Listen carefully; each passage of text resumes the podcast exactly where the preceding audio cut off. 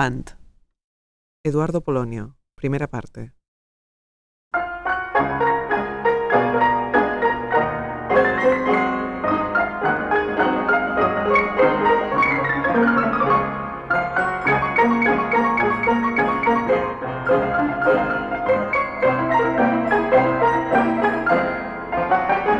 Nací en Madrid el 5 de enero de 1941. O sea, fui realmente un regalito de, Reyes para mi familia. Por tanto, crecí en este Madrid y España oscura de la posguerra, con todo lo que suponía. Como todos, supongo, pues fui al colegio, después fui al instituto, pero no se despertó en mí una lo que se llama tradicionalmente vocación por la música desde muy pequeño, ni estudié música desde muy pequeño. No porque en mi casa no, no se practicara la música, que se practicaba y bastante. Mi padre había sido cantante, cantante de zarzuela, cantante de copla en su juventud, pero ya había perdido la voz, con lo cual cuando cantaba en unas sesiones que hacíamos en mi casa, para los amigos, para la familia, pues era un desastre porque siempre soltaba unos gallos tremendos, etcétera, ¿no? Mi madre era compositora, pero compositora intuitiva, es decir, había estudiado piano de pequeña, como todas las niñas de la buena sociedad, pero no, sabía escribir música. Lo que sí que componía, pues eh, valses, boleros, eh, chachachas, tangos, pasodobles y todo lo que se le, se le pusiera por en medio. Entonces, mi primer contacto con la música fue esas sesiones o veladas que se hacían en mi casa que venían pues unas tías solteronas, que es lo típico, unas tías solteronas, tal, y para mí esto, la verdad, más que animarme a estudiar música, para mí fue algo que me, al contrario, me producía un poco de repulsión, ¿no? Y cuando ya estaba terminando lo que entonces se llamaba preuniversitario, después de terminar el bachillerato en Madrid, en el Instituto San Isidro, Allí ocurrían dos cosas. Escuché por primera vez un concierto de piano por una persona que tocaba bien, no por, lo de mi casa. creo que era de, de obras de Chopin.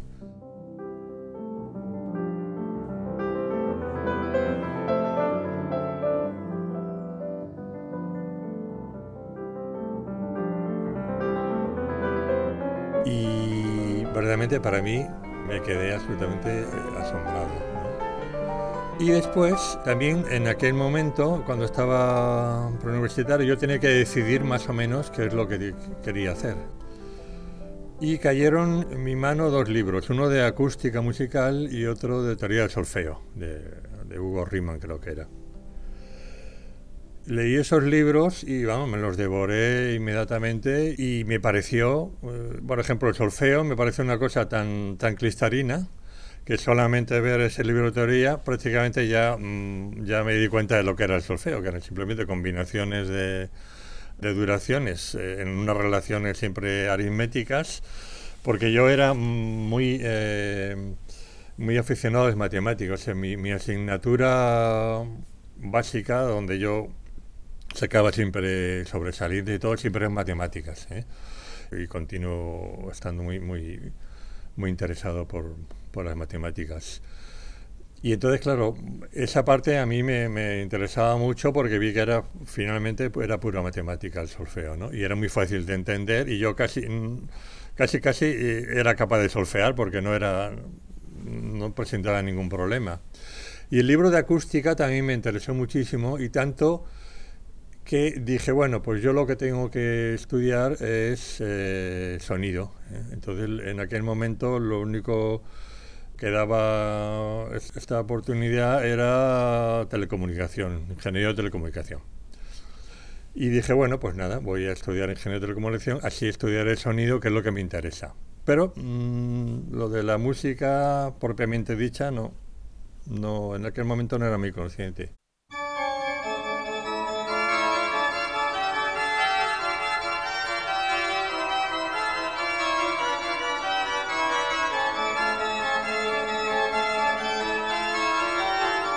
Pero aún así, en aquel momento, pues empecé a estudiar música con un profesor que era el organista de la parroquia de mi barrio. Fue el primer eh, profesor que yo tuve que venía a casa a darme clases. Ahí es donde yo descubrí que lo que yo quería estudiar realmente era música. Entonces preparé durante un año el ingreso en la, Escuela de Telecomunicaciones y al mismo tiempo iba ya estudiando piano y solfeo. Y tan claro lo vi que cuando llegó el día del ingreso, de, hacer el examen de ingreso, pues me fui al cine durante el examen de ingreso y dije, no, no, esto, esto no es para mí y y, me fui al cine. Luego dije en mi casa que me habían suspendido y ya está. Y ya ahí es, donde empezó verdaderamente eh, con la música mi, mi, relación. Y claro, estamos hablando del año 57, 58, tenía 16 o 17 años, con lo cual ya empecé un poco tarde, ¿no? Pero claro, como lo tenía tan claro, Después de este año que hice particular, pues yo luego ya me apunté en el conservatorio y claro, pues entonces el solfeo yo hacía, eh, me parece que los cuatro años de solfeo me los hice en dos. Los pues, cuatro años de piano primeros también me los hice en dos, o sea, muy, muy, muy rápido. Porque claro, yo cuando iba al solfeo, yo era como el, el, grandullón, ¿no? Aparte por mi altura, que para los, los pequeñajos que veis supongo que sería el gigante de la clase. Porque eran todo, era todos niños de pequeñitos, ¿no? De 5, 6 o 7 años. Y yo estaba allí pues estudiando, solfeando ahí de fa, la, do, re, etcétera con los niños. Pero bueno, por ejemplo, mi profesora eh, enseguida al año siguiente ya me puso de ayudante suyo. Después el organista de mi barrio, ya al año, al año siguiente, pues ya me hacía ir a tocar en las bodas y los bautizos. Él se quedó con los funerales. y yo pues hacía las bodas y bautizos. Y entonces improvisaba, eh, me subía allá arriba y improvisaba o tocaba, leía así piezas de, de Bach, ¿no? Como podía, porque claro, y claro, ya me di cuenta que, eso, que eso era mi camino. Entonces, claro, ya ahí continué, hice, hice ya todo, digamos, en, en, los años que estuve allí, los, hasta el 68, pues hice todo. Hice el piano, la armonía, el contrapunto, la composición y, y todo.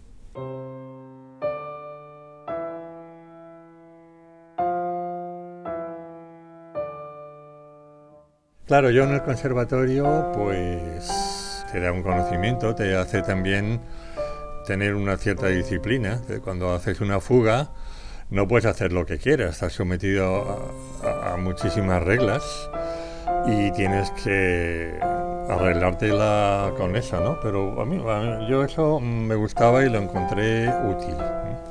Pero claro, paralelamente a que estaba haciendo estos estudios súper tradicionales, hay que decir que en el Conservatorio de Madrid en aquellos años 60 eh, yo creo que, que, habían llegado como mucho a Richard Strauss, ¿no?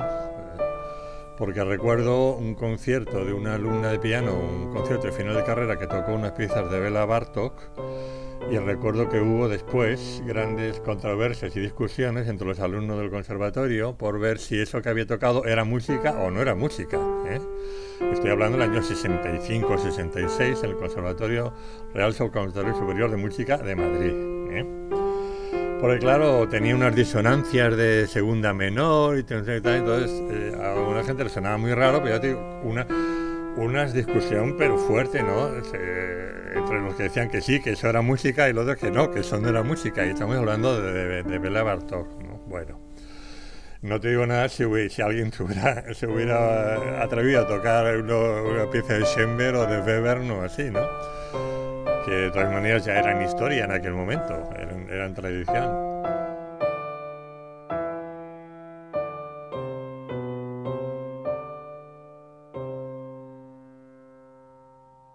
Pero eh, en aquel momento en el conservatorio, en el mismo lugar estaba eh, el Instituto del Teatro, también estábamos en el, mismo edificio, el teatro estaba en arriba. Pues entré en contacto con una compañía llamada Los Goliardos, que hacían teatro experimental. Y otro, un profesor que se llama Antonio Malonda, que tenía una, una compañía también de, de teatro. Y entonces eh, yo les hacía las, las bandas sonoras para algunos de sus espectáculos. Claro, ¿cómo hacía yo esto? Pues sin saber ni tener ni idea de nada. Lo primero que yo hice es pues insistir a mi madre porque me compraba un magnetofón.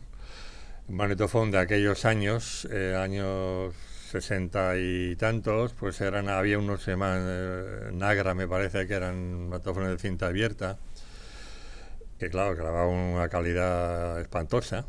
Pero bueno, eso tenía un micrófono y entonces yo pues desarmaba el piano y grababa eh, pues cosas que ya hacía yo tocando las cuerdas, todo lo que se me ocurría, grababa ruidos y luego hacía un montaje con ello. En el conservatorio, afortunadamente yo tuve un, extraordinario profesor que fue Gerardo Gombau, que era de una generación eh, bastante anterior, pero que era la única persona que, que se atrevía a defender la música de vanguardia en aquel momento, que le llamaba la música picuda. en aquel panorama tan tradicional de composición y tal, era la única persona que estaba un poco ilustrada. Él fue, yo creo, la única persona de su edad y de su generación que se interesó por la música electrónica. Y de hecho, él fue al laboratorio ALE, al primer laboratorio ALE en los años 60. Íbamos allí y yo le ayudaba, a, bueno, le cortaba las cintas, se las pegaba, todas esas historias. Y Gombau, claro, nos había dado una serie de, de, de enseñanzas y de pistas. Por ejemplo, nos había dicho, eh, dicho que cuando se le, a un instrumento eh, se le corta su ataque, entonces ya no es más reconocible. Por ejemplo, un piano, si le cortas el, ataque, ya eh, pues suena pues como un violín o, como otro instrumento, pero no reconoces que es un piano porque el sonido de piano viene definido por eh, lo que se produce en ese momento en el ataque. ¿no? Entonces, claro, él nos, nos inició a lo que es verdaderamente el sonido. O sea, que el sonido pues tiene una envolvente, tiene unos componentes acústicos. Y claro, yo con aquello a mí me sirvió mucho porque a mí me sirvió para hacer mis primeros pinitos con montajes de, de música concreta y cortando y pegando cintas para aquellas obras de teatro que necesitaban pues algún comentario de tipo musical, pues yo se lo hacía. Paralelamente a esto, cuando ya fui por primera vez a los cursos de Darmstadt, el primer año fue el 65 o así, claro, pues allí conocí todo lo que estaba haciendo en, Europa, ¿no? Conocí pues a Stuhausen, a, bueno, todo lo que Después ya, claro, vino el escuchar pues todos los discos de música concreta de, de PSF, de Piranri, todo lo que se en aquel momento y todo lo que estaba haciendo también en música, en música contemporánea, eh, los años 60, eh, Boulez, eh, en fin, eh, no, no, etcétera.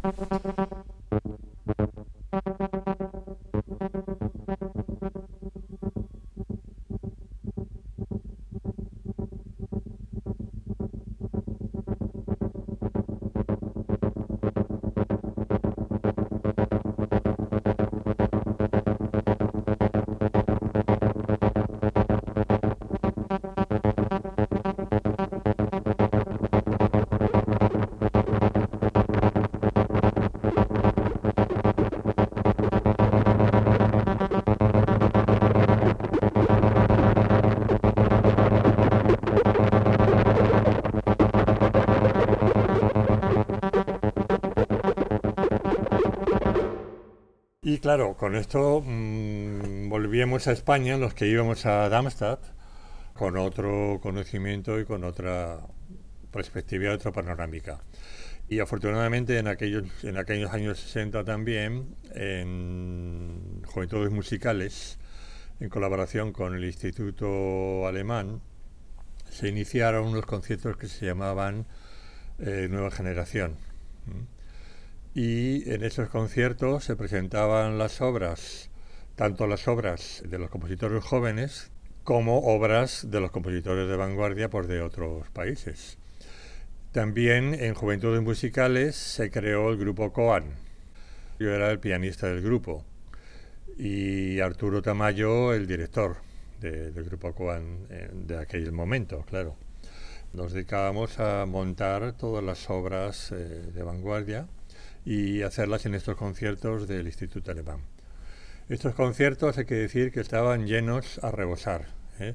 En aquel momento los institutos de cultura eran los lugares que aglutinaban más o menos a la gente que quería manifestarse en contra del régimen. ¿eh? No de una manera explícita y abierta, pero de alguna manera ellos eran como la válvula de escape de todo el sistema opresivo que, que había en la música como en todo lo demás del franquismo, porque allí, digamos, era como un feudo de los de los países, es decir, el Instituto Alemán era como eh, pertenecía pues a la embajada alemana o lo mismo que el Instituto francés, el Instituto italiano, y ahí, digamos, no se metían, no querían meterse. Por lo tanto, allí se podían hacer cosas que probablemente en otro en otro contexto no se podían hacer. ¿eh? También en aquel momento nació el grupo Alea, que también hacían mm, conciertos de música de vanguardia en el Instituto Nacional de Previsión, y entre estos dos grupos eh, se podía informar a la gente de lo que estaba ocurriendo más allá de, nuestras fronteras, ¿no? de por dónde iba la música, que la música no se terminaba ni en Brahms, ni en Richard Strauss, ni, ni siquiera en Bartok. Mm, allí llegamos a hacer de todo, o sea, en el Instituto Alemán, en los conciertos estos, había conciertos con obras de Cage, se hicieron eh, conciertos de Fluxus, ¿eh? que justamente en aquel momento ocurrió todo. En aquel momento se creó Zag también. ¿eh? En aquel momento vino Fluxus a Madrid. había los conciertos de Zag, había los de Coan, los de Alea. En aquel momento empezó también el, laboratorio ALEA de música electrónica, el primer laboratorio que hubo en España, por gracias, digamos, a la, gestión de Luis de Pablo, frente a los hermanos Huarte, que en aquel momento eran, eran los mecenas de muchos artistas eh, españoles, no solo músicos, sino también artistas plásticos. Eh, mecenazgo que ha, ha, quedado totalmente oculto, ¿eh? Pero se podrían citar muchísimos artistas que estaban subvencionados por los hermanos Huarte eh, nosotros cuando entramos en el laboratorio ALEA hicimos el grupo Música Electrónica Libre, eh, que eran Luis de Pablo, Horacio Bayone y yo mismo. Y nosotros eh, teníamos un sueldo por ir a trabajar al estudio, por hacer obras y luego pues por hacer algún concierto. Pero teníamos un sueldo mensual, cosa que nos remite casi a los tiempos de los Medici, ¿no? florentinos.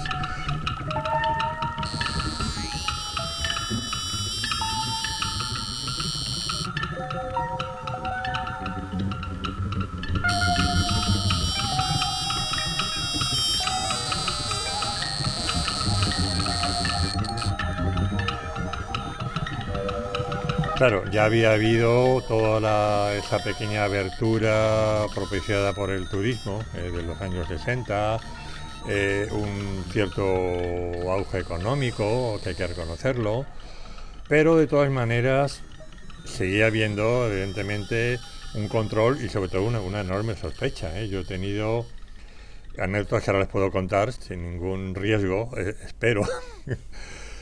Yo estuve eh, interrogado por la, en la Dirección General de Seguridad en el año 68, que creo que fue el año de Eurovisión en el Teatro Real, porque yo vivía cerca del Teatro Real, además. Señoras y señores. Queremos recordar caso insólito en la historia del Eurofestival. Señoras y señores. Hay cuatro naciones este triunfadoras. inesperado final en esta canción de Eurovisión 1969. Yo voy a pedir, por favor, a Mr. Brown que sea él quien me diga exactamente los vencedores de este año. No ha pasado nunca. El representante de la Unión Europea de Radiodifusión dice que hay cuatro canciones triunfadoras, cuatro países. Cuatro ganadores ex Recibo una citación de la Dirección de Seguridad, como recibieron otros, ¿eh? Luis de Pablo y otros, otros compositores, para advertirme de que ese día no saliera a la calle porque si me vieron en la calle me, podía pasar algo, porque les había llegado una información de que los compositores de música contemporánea íbamos a poner una bomba en el Teatro Real, en medio, digamos, del Festival de Eurovisión, una bomba para reivindicar, digamos, nuestra postura de, de vanguardia como compositores.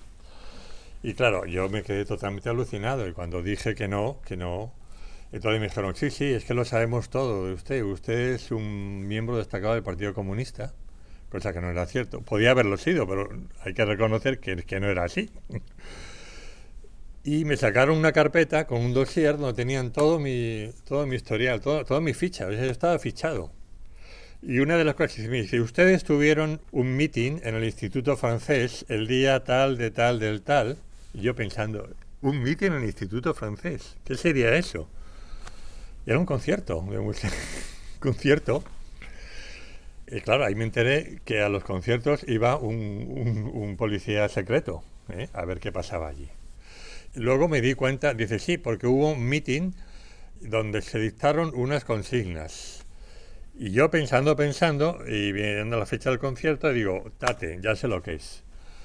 Era eh, un concierto del grupo Coan, y colaboración con el Instituto Francés, donde yo tocaba una pieza de Tomás Marco, yo tocaba el piano y él recitaba desde el piso de arriba unos poemas en francés antiguo con un megáfono desde arriba. Claro, como no entendían lo que decía, para eso fue un meeting donde se dictaron unas, consignas, supongo que en alguna clave extraña, ¿no? Y claro, yo como era el pianista de esto, era tan culpable. claro, esto para unas personas que están haciendo inocentemente música, ¿eh? que simplemente se dedican a componer música de una manera no tradicional, pero de la manera que tú crees, o música electroacústica, te muestra un poco cuál era la situación eh, en, en este país en el momento, en el cual verdaderamente todo lo que fuera eh, innovador, lo que fuera poco comprensible, estaba bajo sospecha. nosotros éramos poco menos que conspiradores, que terroristas. Ahora, ahora los llamarían terroristas.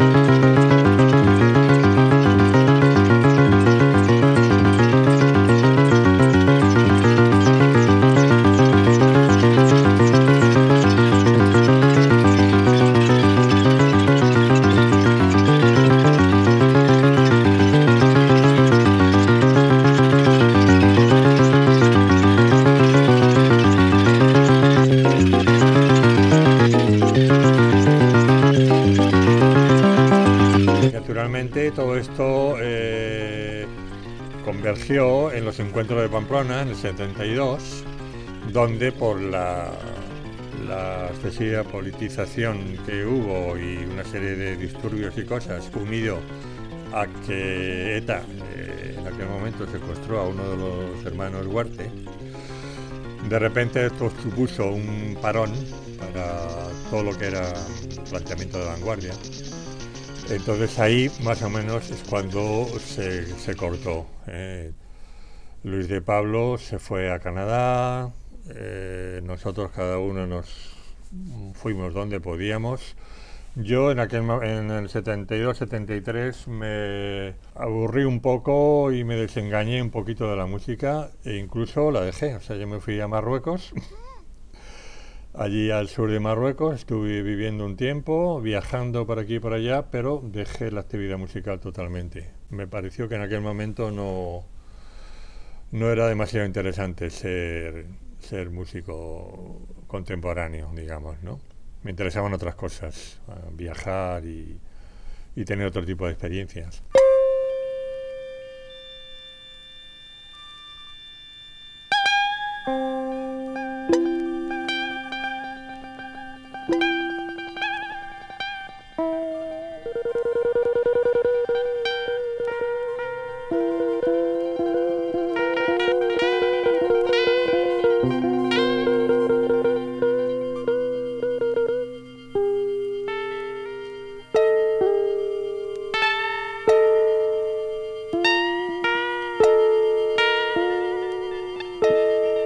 Fue ya más tarde, en el año 75, donde descubrí que en Barcelona pues se había creado el estudio Fonos y me decidí a irme a Barcelona. Me abrieron las puertas del laboratorio Fonos, me dieron las llaves, eh, yo podía ir a cualquier hora del día o de la noche, me dieron total libertad. Y allí pues otra vez empecé a retomar, digamos, mi actividad como músico casi exclusivamente eh, como músico electroacústico.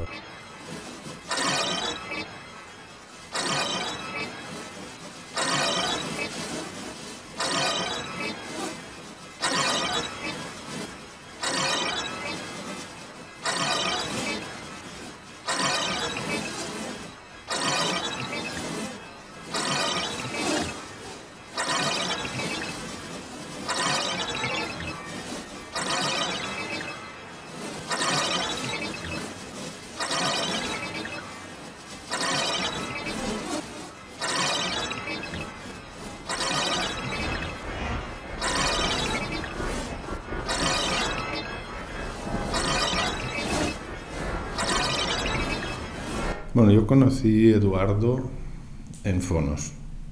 Claudio Zulián, director de cine, artista y compositor. Los finales de los 70, digamos. Donde conocí también a Gabriel Brenchich, a Andrés Levin Richter y, a Mestre Escuadreñ. Era un lugar en ese momento de gran efervescencia musical y cultural. Y de todos estos personajes que te he nombrado, cada uno tenía como un rol. ¿no? Gabriel ha sido el gran transmisor mm, académico-pedagógico, de hecho era el que nos daba clase. y el que creo que ha establecido una cierta tradición de, los estudios que ahora digamos ha tenido muchos avatares y ha acabado siendo el, laboratorio eh, que hay en la, en la Pompeu Fabra después de pasar por, por unas cuantas cosas. Eh, Eduardo Polonio representaba un, otro aspecto importantísimo que era, yo diría, directamente lo antiacadémico. Porque la posición de Eduardo siempre fue más uh, más próxima a ciertas cosas de Cage, más conectada con esa escuela, más atenta también a algunas cosas de la música pop.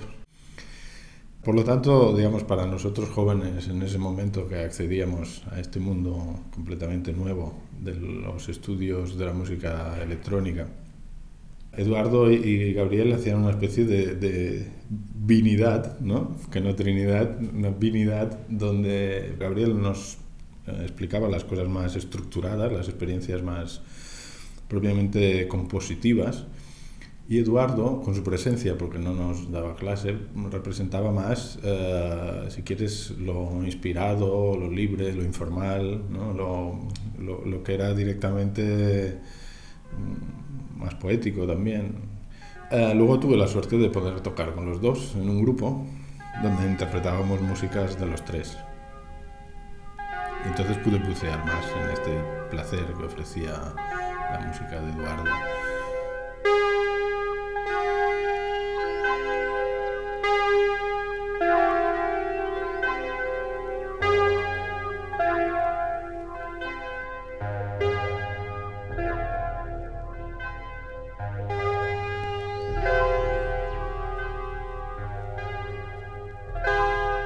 Placer es la palabra adecuada para describir su música, en el sentido que tanto como intérprete como el público les propone una experiencia placentera de la música.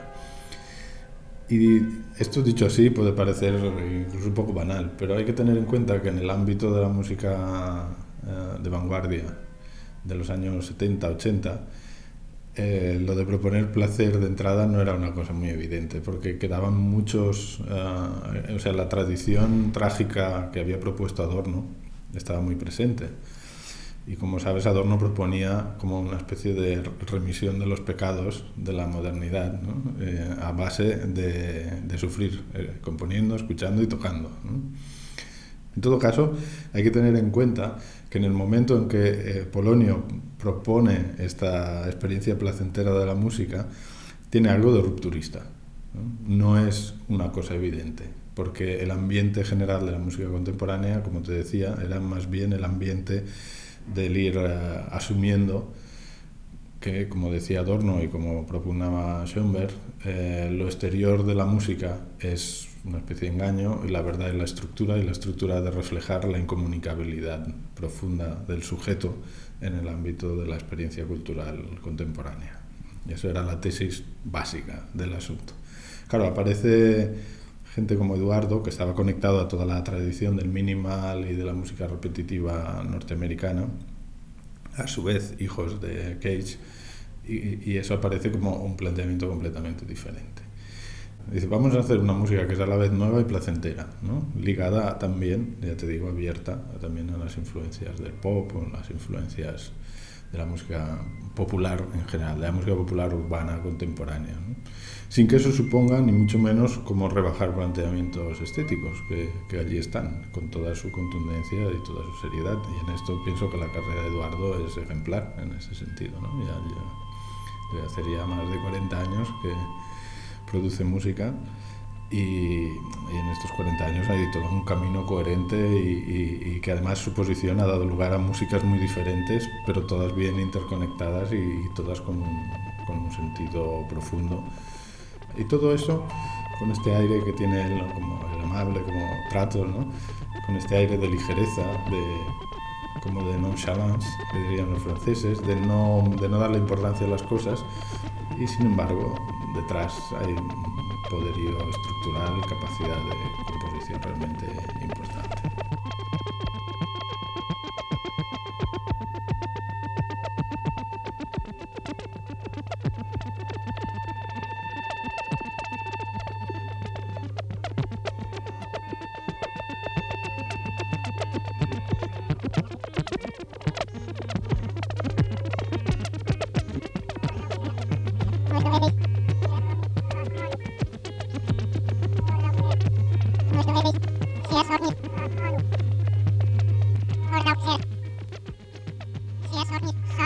Todo lo que yo había hecho de música instrumental en los años 60, primeros 70, en Madrid, pensé que ya había hecho lo que tenía que hacer, eh, que había compuesto las obras instrumentales que me había apetecido hacer, pero no tenía más, muchas más ganas de, de tocar el terreno instrumental y casi exclusivamente eh, me dediqué al lenguaje electroacústico, además, a trabajar con sintetizadores, procesadores y instrumentos eh, electrónicos. Y esto lo he seguido, esta práctica lo he seguido prácticamente hasta ahora. Sí que he hecho obras para instrumentistas, sobre todo mm, gente que me lo ha pedido, pero por lo general me he mantenido dentro de, del campo de la música electroacústica, cosa que es un poco suicida en estos tiempos, ¿verdad? Porque lo que vale ahora y lo que se aprecia pues es ser músico sinfónico, hacer sinfonías, eh, presentarse en los grandes auditorios, en Teatro Real, con las grandes orquestas. Yo nunca he hecho una obra para orquesta, ni la pienso hacer nunca, ni creo que sea necesario, ni para cuarteto de cuerda, por ejemplo no es lo mío, ya hay muchos que lo hacen, ¿no? y lo hacen bien, ¿no? Yo, lo mío es otra cosa.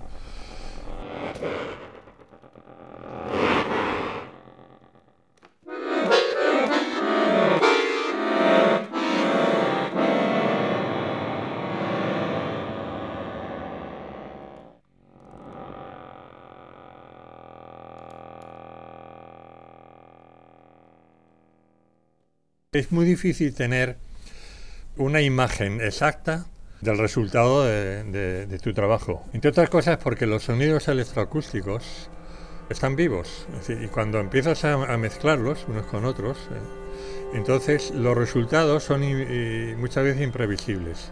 Entonces, de alguna manera, tú lo que haces cuando procesas sonido es soltar unas fuerzas de la naturaleza hay un poco incontrolables y que ellas mismas van a, proponerte luego cosas y lo que tú de alguna manera tienes que hacer es seguirles el hilo. Es decir, una vez que tienes, vas haciendo sonidos, vas procesando, vas haciendo mezclas, vas haciendo eh, eh, bloques cada vez más complejos de sonido, ellos mismos ya te van a decir cómo se, cómo se van a mezclar, cómo se van a comportar, cuál es la sintaxis.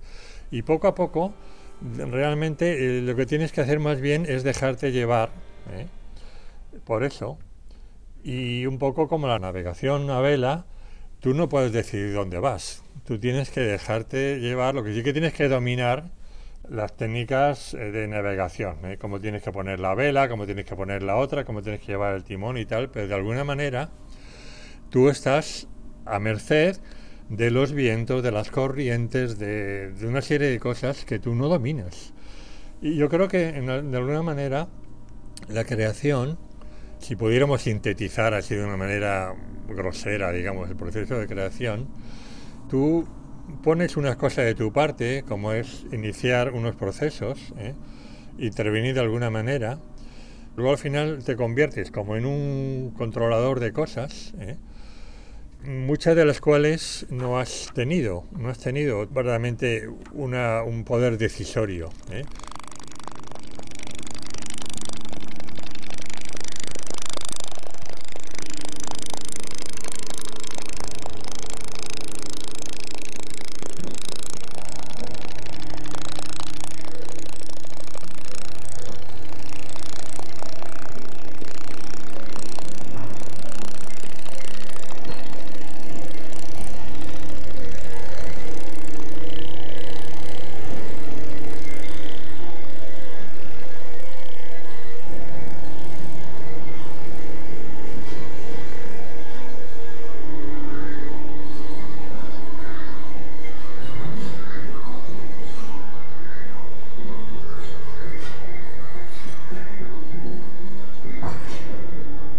Recuerdo un texto de Kandinsky donde hablaba de su relación con el azar, ¿no? Muchas veces los colores mismos, tal como estaban en la paleta, ellos mismos eh, decidían cómo tenía que ser la, pincelada, cómo tenían que ser las mezclas, siempre eh, con la idea esta de que el azar es muy importante. Decir, nosotros, evidentemente, en la vida está claro que no somos dueños de lo que hacemos, no podemos decidirlo ni controlarlo todo, hay muchas cosas que dependen puramente del azar y que lo que sí que es importante es saber navegar ¿eh? y saber moverse por las corrientes como los aviones cuando planean, ¿no? Saber moverse, eh, que no es otra cosa en, la creación como el saberse mover por la vida. ¿eh? La prueba es que hay personas que, que más o menos van trampeando y van navegando y otros que se estrellan.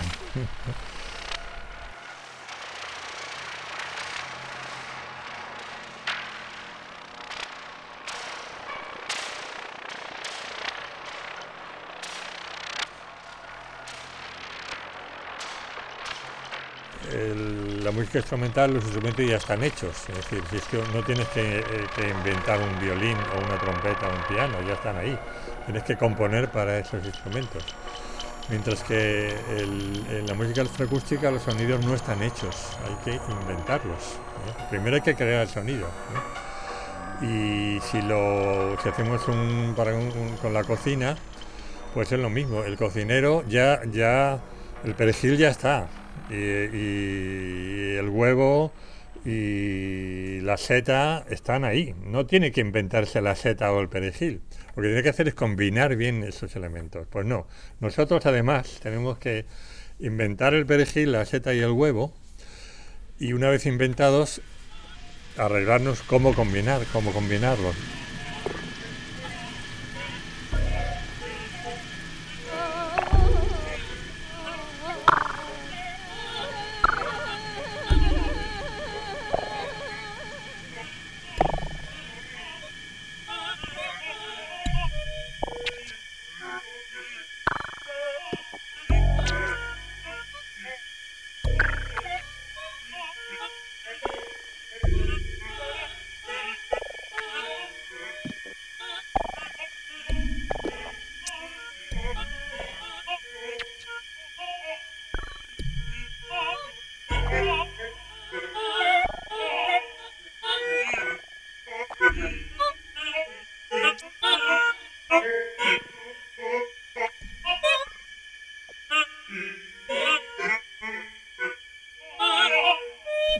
Soy Eduardo Polonio, compositor de música electroacústica. Otros dicen poeta sonoro. Yo digo compositor de música electroacústica.